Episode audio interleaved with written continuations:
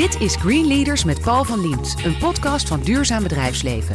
Het businessplatform voor succesvol duurzaam ondernemen. Wekelijks hoor je hier een Green Leader die de economie vernieuwt, verandert en verduurzaamt. Christian Winge is CEO van Cicada. Dat is een innovatief Internet of Things bedrijf dat mobiliteitsoplossingen biedt. Cicada werkt samen met OV-bedrijven, taxipartijen en onderhoudsservices en probeert die slimmer en groener te maken. Een voorbeeld, de zuinig rijden-app DriveTech bespaart elk jaar miljoenen liters brandstof. Welkom Christian.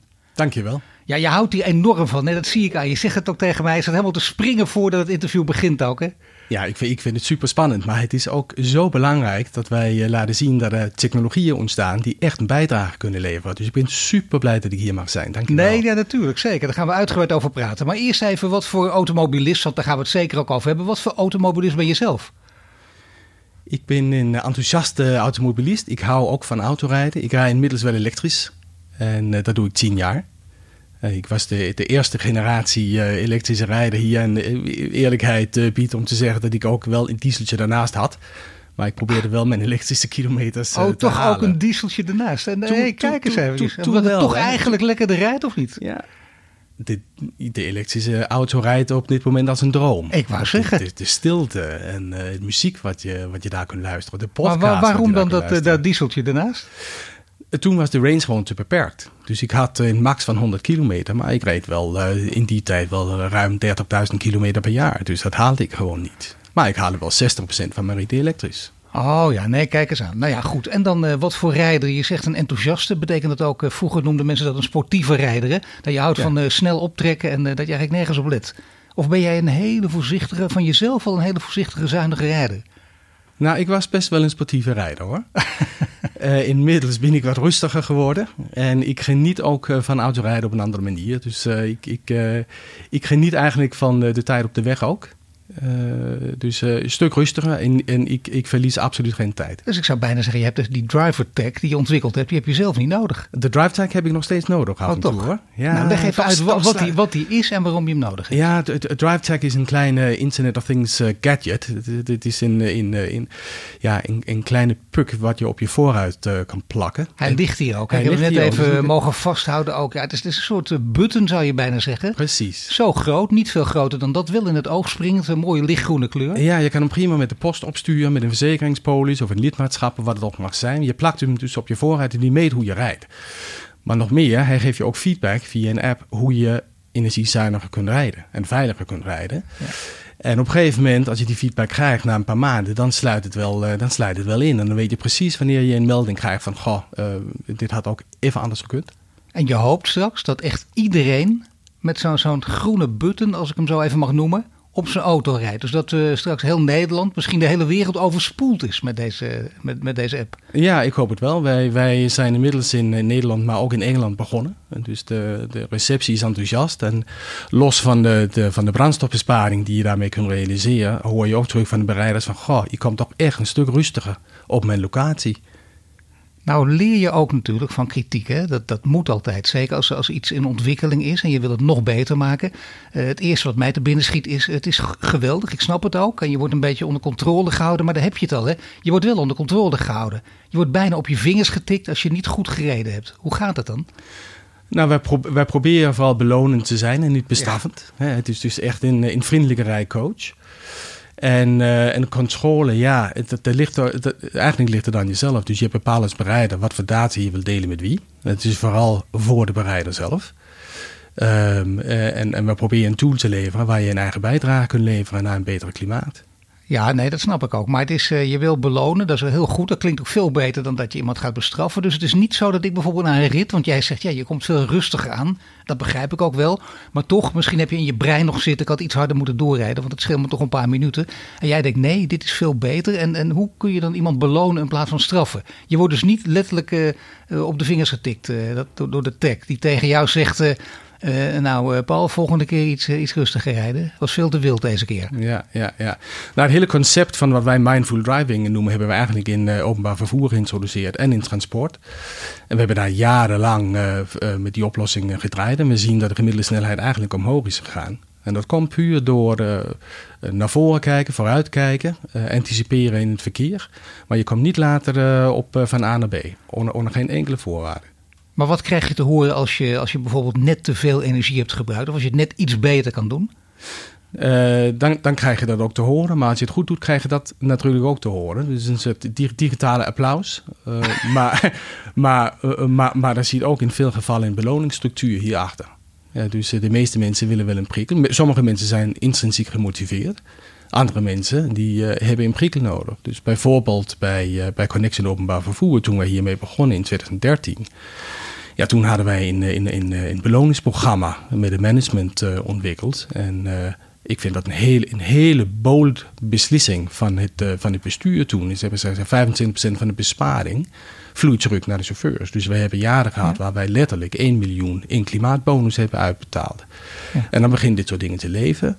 En dan krijgt het momentum. Dan zie je dat uh, alle schouders onder hetzelfde doel uh, uh, komen. Ja, en dan creëer je een clubgevoel waar je met z'n allen kan zeggen: ja, we gaan hier voor dit doel. Nee, dat snap ik. Dat is een hele belangrijke. En ook een lekker woord erbij trouwens: hè. klimaatbonus. Dat, dat, dat, tikt ook goed aan natuurlijk. En dat, is, dat kan ook naar, met, met veel grotere getallen oplopen als je het goed doet. Ja, dat kan zeker. Wij hebben aangetoond dat met DriveTech dat je tot 20% kan besparing op je, op, je, op, je, op je benzineverbruik of je dieselverbruik. Dus dat is, dat is nogal wat. Zeker als je veel kilometers uh, uh, uh, doet per jaar.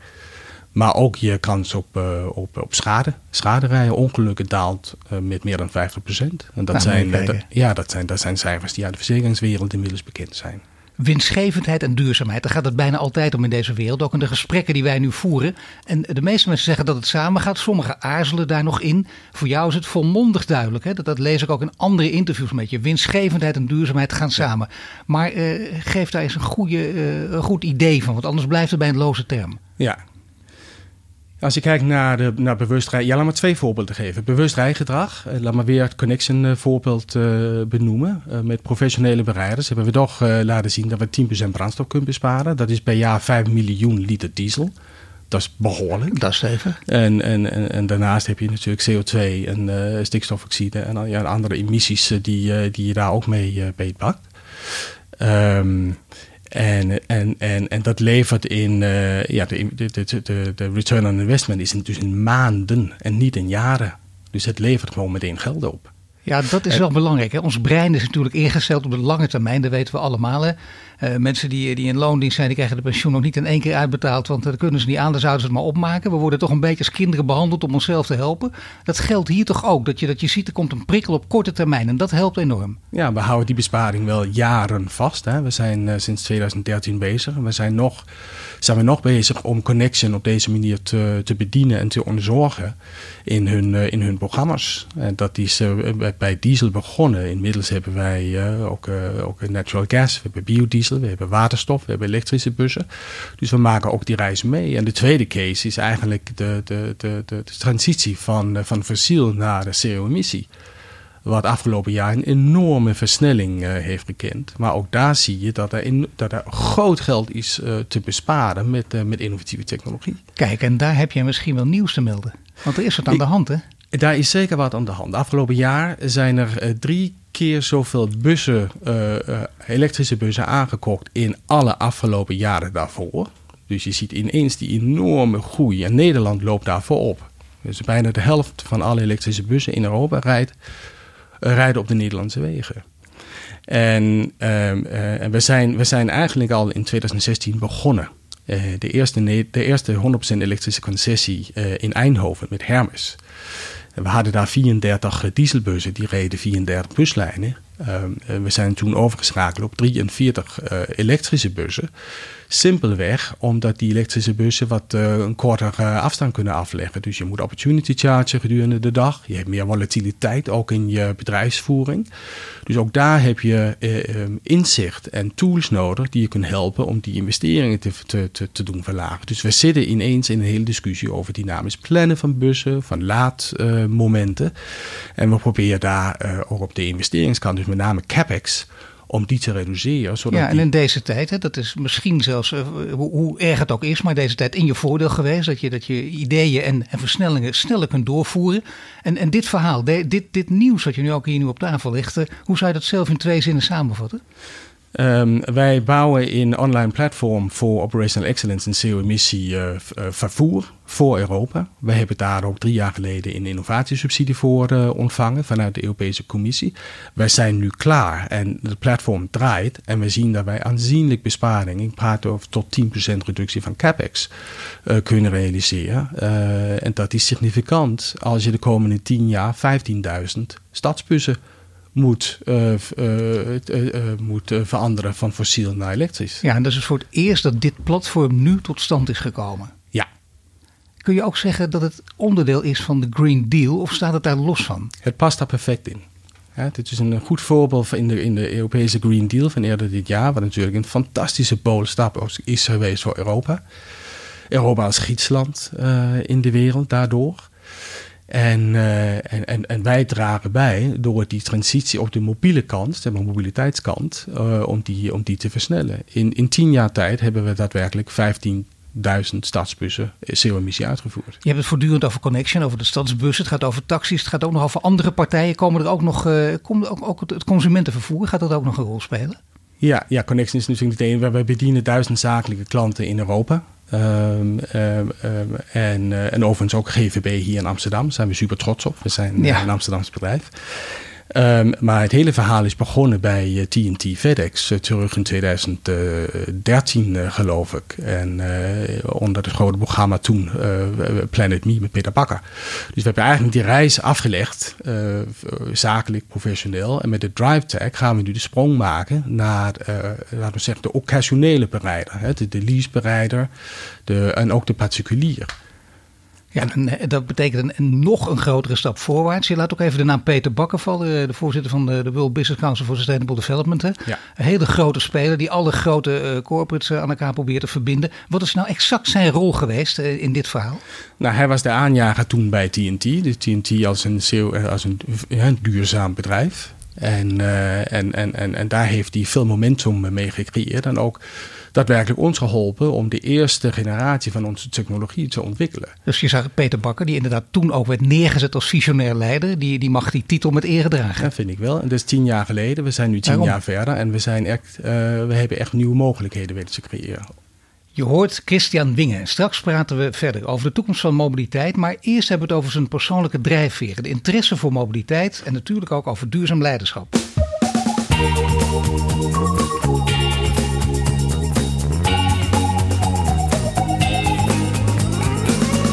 Bij mij in de studio staat Christian Wingen. Net spraken we over zijn interesse in de mobiliteitssector en de samensmelting van duurzaamheid en winstgevendheid. En nu praten we verder over het belang van leiderschap en de persoonlijke drijfveren van Christian Wingen. Want op een gegeven moment, ook Christian Wingen is, is ooit jong geweest. Hoe oud ben je nu? Ik ben nu 53. Ja, 53 en ziet er nog steeds jong uit. Maar je bent, eh, ja, heel belangrijk. En eh, klinkt ook nog jong en zo. Dat kan niet anders hebben dit soort werk. Maar je bent ooit eh, ja, scholier geweest. Die, die, die ook onwetend was van de toekomst. zoekend en denkt, wat wil ik gaan worden? Was je op je vijftiende al, al, al met duurzaamheid en dat soort zaken bezig? Of had je hele andere toekomstperspectieven? Nou, 15 jaar, dat is wel erg lang geleden. Maar antwoord is, Ja, is, is, is daar nee. Maar ik was net terug uit Groenland. En, eh, en, en eh, je hoort misschien aan mijn accent dat ik niet autochtoon Nederlander ben. Ik- Totaal nee, niet. Nee, je bent, nee. In Groenland, je bent in Groenland geboren. Nee, ik ben in Denemarken geboren, maar in mijn kinderjaar heb ik doorgebracht op Groenland. En daar is ook de kiem gelegd voor wat ik nu doe in mijn professionele leven. Dus de, de, de verbondenheid en de liefde voor, eh, voor deze planeet, voor, de, voor moeder aarde, is daar absoluut, heb ik daar Maar meegekregen. hoe is dat? Want eh, ik ken eh, eerlijk gezegd weinig mensen die, eh, die in Groenland eh, geleefd hebben in, in hun kinderjaren. Wat, wat voor jeugd is dat dan? Ehm, dat is wel een aparte jeugd. Het is een hele kleine gemeenschap. En je komt terecht in een, in een vangercultuur, als het ware. Dus de, de, de verbinding eh, tussen mens en dier en met de aarde is, eh, is iets wat, ja, waar wij ons bijna niet kunnen voorstellen hier. En die, eh, ja, dat zit, dat zit diep in mijn botten. Hè? De, de, de, de, verstilling, de verwondering, de verbinding met de aarde, is, ja, dat- die draag ik bij me. ja. het, is moeilijk om dat in woorden te vatten. En als ik over de schoonheid van Groenland praat, dan word ik bijna emotioneel. Ja, nee, ik merk het. Ja. Type, ja. ja, nee, nou, je, krijgt, je krijgt serieus een beetje tranen nu. Dat is echt, eh, dat is, uh, verlang je echt ook nog naar, naar een leven terug daar in Groenland? Naar alles wat je hebt meegemaakt? Nee, ik verlang niet naar een leven in Groenland. Ik, ik, ik, ik, ik hou van Groenland. Ik hou van het ijs daar. Het, is zo indrukwekkend. Dat, dat, ziet ook, als ik, uh, als ik kijk wat daar gebeurt, daar zit natuurlijk ook een stuk pijn en frustratie over hoe wij collectief met, met de planeet omgaan. Ja. dus, en dat is mijn drijfsfeer. Niet, niet, niet de angst voor in de klimaatdisaster, maar meer de liefde voor de aarde. Weet je? En, en, dat wij toch iets met technologie, want technologie is enorm machtig, uh, iets kunnen bijdragen collectief aan, uh, aan een duurzamere wereld die jeugd daar, die, die, die jou tot tranen beroerde als je erover praat. Dat is mooi om te zien. Maar uh, ja, het kan ook een, een eenzame jeugd zijn. Hè? Te midden van de natuur met weinig mensen. Hoe, hoe, was dat? Uh, ja, ook soms uh, ruig. Dus dat, dat ziet, dat, zit naast de, de verwondering zit ook pijn van die tijd. Kinderpijn, dat, weet je, dat is, dat is een persoonlijke deel van het, van het geheel. Maar, en wij hebben ja, dit, dit, is een groot hoofdstuk, uh, Paul. En, en, maar um, ja, wij, wij, wonen in een gemeenschap van 5000 mensen. En er wonen 15.000 mensen op Groenland. Hè, dus bijna net zo groot als, als Noord-Amerika. Ja. Dus het is een gigantisch uitgestrekt land. En de saamhorigheid en de afhankelijkheid die je, die je hebt met elkaar, uh, dat, dat, dat verbroedert. Uh, en tegelijkertijd ook de, de complexiteit van Indeen in Groenland tussen de Inuit. En, en ja. Uh, ja. ook dat is een thema. Ja, wat we ook heel lelijk de Eskimo noemen, maar dat is het eigenlijk natuurlijk. Hoe, hoe, ging dat? Werd je ook een beetje gediscrimineerd in die tijd of niet? Nou, je moet wel voor je positie vechten, om het zo te zeggen. Ja, dus, kun, je, kun je een uh, voorbeeldje geven? Um, ja, als jongen word je, word je uitgedaagd. En, uh, en je moet wel stevig in je schoenen uh, kunnen staan en durven staan. En anders word je gepoeldoost. Maar hoe ging dat? Je werd met pijlen beschoten en je Nou, dat je... ging soms... Uh, soms ging je toch even op de vuist om te laten zien wie nou hier echt de sterkste was. Nee, toch? Ja, dat, en dat Maar jij maakt zo'n hele zachte, aardige indruk en zo. Maar je kunt ook, als het moet, ben je een straatvechter. Nou, ja, ik kan wel stevig in mijn schoenen staan, ja. En, die, en ik laat me ook niet poeldozen, nee. Nee, kijk, nee, dat wil ik zeggen. Dat heeft dus ook inderdaad geholpen. Buiten, buiten de, de lijntjeskleuren lijkt me lastig ook. Zo'n kleine gemeenschap waar iedereen op je let. Ik zie de voordelen, maar dat zie ik ook meteen als een groot nadeel. Heb, je, heb je ook uh, je, je heel erg kunnen aanpassen of heb je toch ook je eigen gang daar kunnen gaan? Ik heb daar ongelooflijk mijn eigen gang kunnen gaan. Ik heb een enorme zelfstandigheid daar geleerd. Uh, enorme wilskracht en tegelijkertijd ook uh, een enorm respect. Ook, ook voor de Inuit. Ik, ik, na de eerste jaren daar heb ik uh, diepe vriendschappen ook kunnen maken. En heb leren ervaren hoe de Inuit-cultuur in elkaar zit en, en, en wat daar leeft en wat dat speelt. En Kunnen we dat, heel lang over praten, maar kun je er iets van zeggen? Iets wat je, wat je echt hebt opgepikt en waar je nog steeds wat aan hebt? Ik denk uh, in uh, respect voor, uh, voor, voor de dieren. Als een Inuit gaat jagen, voordat hij iets neerschiet, vraagt hij eerst toestemming van het dier of hij de, de. Ja, je denkt nu echt even na. Je vraagt toestemming aan het dier, want ik kan me dat bijna niet voorstellen. Dat, ja, dat je, dat je de, de, het leven van het dier mag, mag nemen. en dat is een heel andere mindset. Ja. Ja, ik, ik, ik vind het geweldig. Het is echt een, een, een, belangrijk ontroerend gesprek voor jou. En nu komt de ontroering weer terug. Hè? Ja, je kunt er hele flauwe grap over maken. Maar dit is dus, je, je merkt dat het dier zegt niks terug. Maar het, is, het, het gevoel spreekt daar uh, parten. het is niet zomaar afslachten. Dit is niet zomaar afslachten. Het heeft wel een bepaalde doel. En natuurlijk, dit is nodig. En het is de circle of life. En dat is daar heel nadrukkelijk aanwezig. En toch is er een respect. En, en, en uh, in, alles van een dier wordt ook gebruikt. Uh, dus niet alleen voor eten, maar ook voor kleren, voor lampen, voor olie, ja. noem maar op. Ja, het is zo verweven in elkaar. Nou, het, past, het past ook heel erg, denk ik, in de, de richting eh, die jij later bent ingeslagen. Wat, wat, wat, doen je ouders? Of deden je ouders? Ja, mijn moeder was toen uh, leren op de basisschool. Dus ik had ook mijn moeder als, uh, als lerares. Dat was een nog grotere uitdaging dan die uh, mijn vader kwam uit het zakenleven. Ja. Ehm, en ehm, ja, ik heb, eh, ze zijn heel vroeg eh, gaan scheiden. En uh, ik ben, ik ben in principe met mijn moeder ben ik mee verhuisd. En eigenlijk heb ik nergens langer dan twee jaar, nou, naar Groenland twee jaar gewoond. Totdat ik naar Nederland kwam. En uh, toen heb ik me hier gevestigd. Zo, dat is toch een ontworteld uh, leven, zeker zin. Want je moet dan steeds weer vriendschappen ja. opbouwen en, ja. en, die ook weer afbreken, weer opnieuw je gaan aanpassen. Ja, dat klopt. En dat is, uh, dat is je, je, je creëert een flexibiliteit. En, maar tegelijkertijd, als je stevig in je schoenen leert te staan en, en dat je opkomt van wat je bent en wie je bent, dan, dan lukt dat wel. En ik ben, moet zeggen, ik ben in Nederland onwijs goed ontvangen 25 jaar geleden. Ik, uh, ik heb alle kansen hier, uh, hier gehad. Ik hou, ik hou zo ongelooflijk van Amsterdam. Dat is mijn stad ja. geworden. Heel dus, veel Denen trouwens. En, en ze vinden de taal ook natuurlijk heel makkelijk. Wij omgekeerd toch ook relatief makkelijk. Hè? Voor een Deen, ik zeg het echt met alle respect ook, maar om het te leren.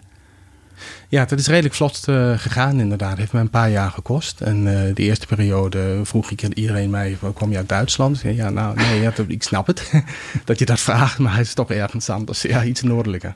Wanneer, wanneer eh, kwam voor jou het lonkende perspectief van een, van een duidelijk beroep? Want dat vinden mensen natuurlijk ja. het mooiste dat er is. Of, of een studiekeuze, dat je weet, dit wil ik met mijn leven gaan doen. He, want hoe leuker je dat vindt, hoe meer ja. aandacht en tijd je erin wil stoppen. Ja, ja nou, ik, ik, ik ben opgeleid als econoom in Kopenhagen en later in Brussel. In Brussel. Uh, en ik heb, ik heb een beetje de klassieke, toen in die tijd, we gaan over jaren, jaren 90 zeg maar. Ik ben management consulting ingegaan. Ik heb denk ik alle grote Nederlandse bedrijven van binnen gezien. Uh, de Philips, de Axel Nobels en KLM's van deze wereld. En wat was je conclusie? Um, fantastische leerschool. Ik heb onwijs veel gezien. Ik heb zoveel dingen mogen leren en, en gedaan. Maar corporate was toch minder interessant voor mij dan, dan ondernemerschap. Maar waarom? Um, ik denk uiteindelijk de politics, de, de schaarheid soms van beslissingen. Um, uh, ik heb veel plannen gemaakt die uh, alleen deels werden uitgevoerd. Ik dacht, ja. uh, ik, ik, ik kan groter impact hebben. En ik, ik werd toen, ik raakte toen in aanraking met de technologie. Dat was toen het begin van internet. Ik, ik zag de de, de potentie van nieuwe technologie en, en, en internet. Ik dacht, hier moet ik iets mee. Ja. En zo ben ik dus Cicada begonnen. Ja, dat is toch interessant hè? dat je denkt met een klein bedrijf, want het is nu een bedrijf um, waar 25 mensen werken, waar jij de CEO van bent, maar dat je met een relatief klein bedrijf zoveel meer impact kunt hebben dan ja. werkzaam binnen een corporate. Ja, ja, ja. ja, ik zou een leuk verhaal vertellen. In 2000, het, het uh, Olympische Spelen 2012 in Londen ja. uh, hebben wij een groot uh, project gewonnen. En we waren toen een team van 15 man. En er werd gezocht naar een in, in, in oplossing die alle bussen in uh, Londen in die uh, periode ja. kon, kon volgen. In een soort war room tijdens de Olympische Spelen. En wij, dat was een in, in aanbesteding vanuit Engeland. We dachten, we trekken de grote broek aan en we doen gewoon mee. En we zijn door, denk ik, 15 verschillende rondjes gegaan. En testen en toetsen en due diligence. Uiteindelijk hebben wij die deal wel gewonnen. We hebben dus ja, de, de, Olympische Spelen, hebben wij, wij hebben daar uh, 3000 bussen uh, uitgerust met ons systeem uh, voor de London Police, Traffic for London, de Organizing Committee voor de Olympische Spelen, hebben dan gebruik gemaakt van het systeem in die periode. Ja, dat was een huzarenstuk en we hebben dat met 15 man gedaan. ook voor onszelf om te laten zien van ja jongens, we zijn een klein team, maar wauw wij kunnen een enorme impact hebben. Fantastisch. Over impact gesproken. Geweldig verhaal. En de dingen die je nooit vergeet ook. En die, die inderdaad, daar, daar word je ook groter mee. Letterlijk ook uitbreiding van je team. Uh, zegt dit ook iets over jou, jouw manier van leiding geven? Dat je dit soort successen echt nadrukkelijk najaagt. En iedereen bij betrekt? Uh, dat kan je never nooit alleen doen. Dus je, hebt, je, je, je moet de vermogen hebben om een hele sterke team om je heen te, te, te, te creëren. Maar hoe doe je dat? Want dat, is, dat zegt iedereen natuurlijk, maar dat is volgens mij het allermoeilijkste wat er is. Ja, en ik denk dat het begint met purpose. En heel duidelijk zijn van wat, wat willen we hier? Wat voor, wat voor voetafdruk willen wij hier afleveren? Wat is de droom? En, uh, en ook realistisch zijn in de stappen die je daarin neemt. En soms ook een bold stap durven nemen om te laten zien dit kan echt. Ja, met alle risico's van dien. Dat durf je dus ook. Hè. Er, ja, mag, mag ook wat misgaan. Of ik zou zeggen, mag, dat moet ook. Dat kan niet anders. Dat hoort bij ondernemen bij, bij ja. grote groeien. Ja, en je leert dat timing heel erg belangrijk is. We zijn met, met elektrisch rijden zijn we tien ja. jaar geleden begonnen. We hadden echt grote plannen, de snelle transitie.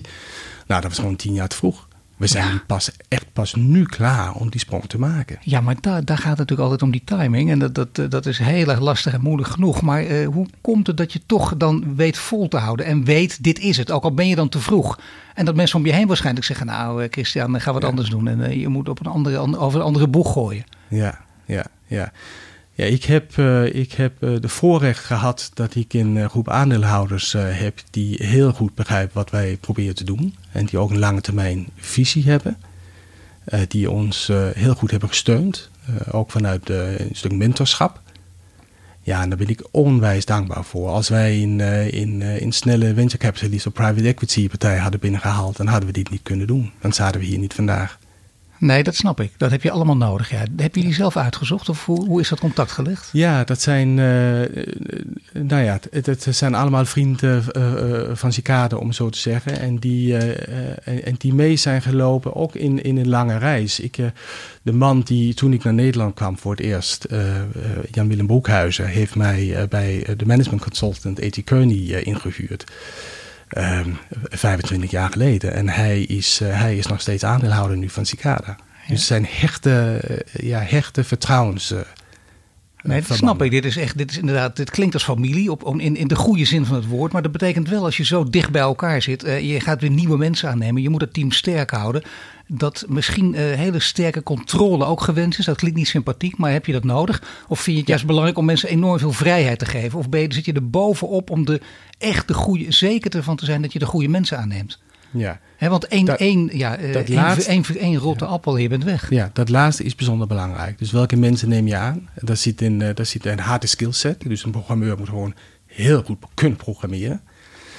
Eh, maar er zit ook een cultureel eh, dimensie daaraan vast. Want je past in het team of je past er niet in. Je hebt de juiste instelling, je hebt de juiste motivatie. Moet je er wel eens mensen uitgooien in een relatief korte ja, tijd? dat, dat heb, ik, heb ik ook gedaan. Eh, Op grond waarvan dan? Ehm, past niet eh, in het team. Ehm, eh, eh, ehm, kan niet hechten. eh, is eh, niet eh, collegiaal eh, genoeg. Eh, eh, dus ja, dat, dat komt voor. Hoe breng je die boodschap over? Want dat, dat doe je direct, denk ik, in zo'n klein team. Ja. Ehm, ja, het, het is, het is altijd een moeilijke boodschap. Maar uiteindelijk eh, komt het erop neer dat beide partijen niet gelukkig zullen worden in, eh, in een relatie. En eh, als je dat durft uit te spreken eh, en ook op een manier wat eh, respectvol is, dan begrijpt de andere partij het uiteindelijk ook. De mensen die nu bij elkaar zijn, jouw team, een, een overzichtelijk team. Je kent elkaar ook allemaal natuurlijk. eh, de- sterke banden met elkaar. eh, dezelfde cultuur. eh, betekent toch dat er, en dat bedoel ik in zo breed mogelijke zin, dat er heel veel diversiteit is. Dat er toch veel verschillende mensen rond moeten lopen. Ook mensen die je wel eens op verkeerde been kunnen zetten. Die jou bijvoorbeeld keiharde kritiek kunnen geven. Ja, en ik vraag ook um, uh, om uh, opbouwende kritiek. Um, en, en, soms heb ik uh, wilde plannen. En dan staat er een CTO op die zegt: uh, Nou, dat kan, maar waarschijnlijk pas over vijf jaar. of we moeten dit en dit doen. En we hebben zes maanden om te realiseren. En dan zit er een team naar me te kijken met open mond. En zeggen: Nou, Christian, dat, is, dat, dat, dat kan gewoon niet. Ja. ja, en dan moet je ook pas op de plaats maken. Ja, maar die, ik heb die, het is net tango dansen. Je hebt die feedback nodig. Oh, ja, je bent meteen ook, je, je maakt meteen de beweging ook. Ben je een goede tango danser? Of, nee. Uh, nee, dat kan ik zeggen. Nee, nee. nee, ik ben geen goede tango danser. Ik vind het wel intrigerend. Ja. Het is wel belangrijk, hè? kritiek dus kunnen krijgen, opbouwende kritiek, uiteraard. Uh, af, afgeremd kunnen worden als je te enthousiast uh, ga, gaat worden. Dat zie je vaak bij CEO's inderdaad, die, die met hun eigen enthousiasme aan, aan de haal gaan. Dat is ook een hele, heel sterke, belangrijke les, denk ik ook. Maar je leeft ook in coronatijden, ook notabene gericht op de mobiliteitssector, waar alles aan het veranderen is. Ja. Mensen die veel minder in de trein stappen, die opeens wel weer auto's gaan gebruiken, deelauto's, deelscooters. Uh, hoe zijn jullie omgegaan of hoe gaan jullie om met deze lastige periode? Ja, het is voor iedereen lastig. Dat geldt ook voor ons. Uh, wij hebben gelukkig een hele grote install base. Dat betekent, hè, wij leveren software as a service. En dat betekent dat wij veel partijen hebben, een breed fundament, die uh, maandelijks licenties aan ons uh, betalen. En, en daar, daar, daar, kunnen wij, daar kunnen wij overleven, daar kunnen wij onze organisatie op tunen. Wat je wel ziet is een enorme vertraging van zaken. Dus projecten worden even on hold gezet. En, ik denk vertraging van 9, 12 maanden in ieder geval voordat het uh, weer aantrekt. Ja, dan zeggen veel mensen erbij altijd, het is begrijpelijk. Maar ik denk dan ook vaak, is het niet onvoorstelbaar? Want dat is ook weer, juist lange termijn is geboden in deze tijd. Ja. Met, met, vroeger was visie een verkeerd woord, een lelijk woord. En nu wordt het steeds vaker gebruikt. Dus waarom, uh, waarom zet iedereen dat nu on hold? Waarom is de angst zo groot? Ja. Um, het is overleving voor, uh, voor veel bedrijven. En uh, dan ga je aan de prioriteiten stellen. Maar voor jullie proberen jullie wel de stap vooruit te zetten? Wij, wij blijven, ja, wij proberen wel. Ja, ik heb gelukkig geen mensen moeten ontslaan. Ja. Sterker nog, ik heb in deze coronatijd ook uh, twee nieuwe mensen aangenomen. Ja, bijzonder. Um, dus wij, wij, wij, blijven investeren en wij blijven, we blijven focus houden op onze purpose en de groei wat erin zit. Wat je wel ziet gebeuren is dat veel groene projecten wel doorgang krijgen. Ja. Dus met name aan de CO-emissiekant zie je dat er wel bewegingen zijn. Gelukkig. Ja, die agenda is gezet natuurlijk. Dat kun je niet. Daar is no way back. Die agenda is gezet. De commitments uh, zijn gemaakt. Uh, er wordt gelukkig uh, overheidssteun ook gegeven. Ehm, de Green Deal is ook in, ja. in baken. dus wij hebben een weg ingezet die, die we gaan voltooien. Aan het woord is Christian Winge. Net spraken we over zijn drijfveer en over leiderschap natuurlijk. En straks praten we verder over de toekomst en de rol van mobiliteit daarin.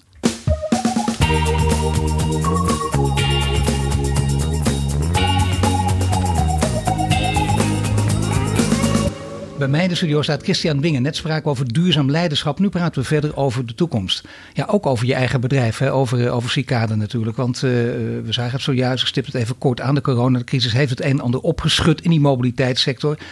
Wat zijn, laten we zeggen, het, het, gaat altijd nog steeds over, in elk congres, ook over kansen en bedreigingen.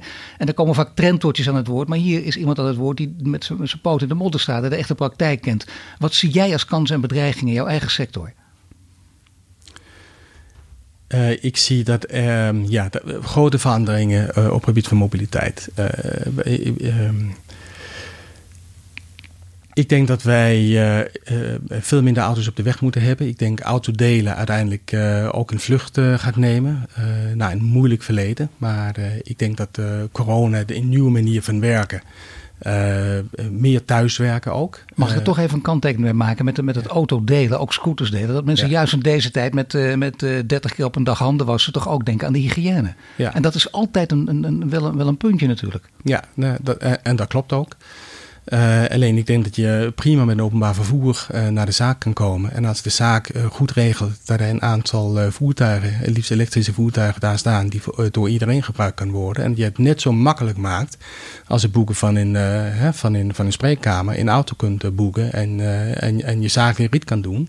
Dan zit daar winst in. Dus we zijn zo ver dat dat ook kan. Hè? Dat, dat we weten dat het op elkaar moet aansluiten. Ja. En dat we het ook makkelijk kunnen maken, want daar ligt het natuurlijk. Ja, dat kan zeker. Ik denk ook de tweede auto wat iedereen uh, heeft. Misschien kan je die tweede auto ook uh, met peers. dus ja. in, in, in, zeg maar closed user groups met, elkaar, ja. met elkaar delen. Wat heb je gedaan met je eigen dieseltje? Er ook uitgegooid? Die, die is al lang weg. Oh, die is al lang, die, die, die, die is al lang weg.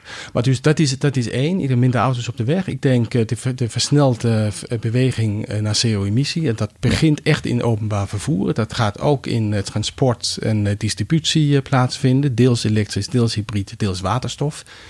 Uh, dus ook een mix van, van technologieën zullen daar hun intrede vinden. Maar dit gaat gebeuren de komende vijf, zes jaar. Um, en thuiswerken, zei je ook. Hè? Dat is ook daar zijn de meningen een beetje verdeeld over. Dat sommigen zeggen, nou dat is nu wel, maar we gaan straks weer terug naar, naar de zaken en, en veel meer, want we missen elkaar. Anderen zeggen, nee, dit is geweldig. Of er ontstaat een hybride model. Denk je dat we toch naar meer thuiswerken toe gaan? Uh, en dat bedoel ik echt als standaard. Ja, ook in jouw bedrijf. Ja, ik denk dat het on on onvermijdelijk is. Maar ik denk wel dat het een mix zal zijn. Want de sociale dimensie en ook de creatieve deel, zeker uh, in het werk wat wij doen, vereist dat je toch bij elkaar komt. Dat je elkaar in de ogen kan kijken. Dat je een creatief proces ingaat. En dat geldt zeker ook voor technologie. En dat geldt eigenlijk voor de meeste beroepen, denk ik. Tuurlijk, maar uh, uiteindelijk gaat het ook over, over verduurzaming. En dan komen we toch op het gebied van, je hebt het nu over alle kansen die je nu noemt, maar ook de bedreigingen. Uh, met andere woorden, waar liggen de hobbels die je, die je echt tegen zult komen, de obstakels die je moet gaan overwinnen? Um, ja, voor, voor, vooral de snelheid waarmee uh, dingen gebeuren, denk ik. Je, je, ziet toch dat het ingewikkeld is. Verworven rechten. Uh, zeker grote bedrijven die zeggen, ja, je komt aan mijn privacy. Uh, ja. hè, dus je komt gauw in gesprek met een OR. Die zeggen, ja, maar je gaat ons toch op een of andere manier controleren. En dit is technologie via de achterdeur. Maar heb jij er geen last van in een bedrijf van 25 man? En, en daar hebben wij geen last van, maar onze klanten wel. En ja. ik probeer natuurlijk met mijn technologie impact te, hebben bij vooral hele grote bedrijven. En daar zie je toch dat technologie en de, en de belofte van technologie niet voldoende is. Je moet draagvlak uh, creëren. En als je die draagvlak niet kunt creëren, vertrouwen kunt creëren, een goed narratief hebben, de doelstellingen duidelijk maken, ja, dan gaat het niet vliegen. Dus ja, dat is ook een verschil met vroeger. Hè? Dat, dat goede verhaal, dat echte verhaal dat erachter zit. Want alleen maar zeggen, sussend roepen, nou die veiligheid, dat valt wel mee. Het is een heel groot thema nu natuurlijk. Ja. En zeker als je met die grote bedrijven te maken hebt, die inderdaad allemaal een, een OR hebben, allemaal het woord draagvlak. Woord draagvlak wordt ook vaak gebruikt als een soort beschermend schild. Hè? Om, om even te denken, nou dan hoeft een tijdje niks te doen. Hoe kun je dat doorbreken? Wat, wat, wat zou nou een mooi verhaal zijn om deze angst bij mensen in grote bedrijven weg te nemen? Ik denk dat er geen enkele mens is, althans ik heb dat mensen niet ontmoet, die niet in eigen bijdrage wil leveren voor een betere wereld. Dat bestaat niet. Uh, dus hoe kan, hoe kan je in, een gepolariseerde bedrijfscultuur, als die er is, hoe kan je, hoe kan je, hoe, hoe kan je een brug vinden? Uh, en dat, dat zit hem in een aantal randvoorwaarden. Ik denk dat je privacy moet respecteren. Je moet daar heel duidelijk afspraken over maken. Onder welke voorwaarden, wat voor data ga je delen? Uh, en hoe ga je ze inzetten, hoe ga je ze gebruiken. En ook vertrouwen geven dat je daar uh, je woord houdt. Uh, de tweede wat je moet doen is denk ik durven delen. dus in, in ons geval hebben we bereiders nodig om in, in besparing te realiseren. Nou, beloon dat ook. Beloon gedrag. en als je dat durft te doen, ja, dan creëer je ook momentum. en dan creëer je acceptatie. Als je het alleen maar voor je baas moet doen, ja, dan wordt het toch een ingewikkelder narratief. Ja, het is alleen uh, dit natuurlijk ook weer voor grote bedrijven dan voor kleine bedrijven om dit voor elkaar te krijgen. Hè? Maar waar zoveel verschillende mensen, zoveel verschillende meningen ook rondlopen. Ja, en iedere cultuur is anders en iedere, eh, zeg maar, iedere bedrijf heeft een eigen narratief. We proberen wel te helpen van hier zijn de best practices. Als wij in, uh, in uw schoenen zouden staan, dan zouden we op deze manier doen. En heb je hier aan gedacht, hier zijn de vijf punten die echt cruciaal zijn. Nou, betrek de OR uh, heel, in een heel vroeg stadium. Leg goed uit wat je gaat doen, wat de doelstellingen zijn, hoe je het gaat doen. Uh, maak privacy uh, afspraken. begin eventueel anoniem. iedere bereider zou anoniem kunnen beginnen. Wanneer vertrouwen groeit, ja, dan kan je met name rugnummer en, en ja.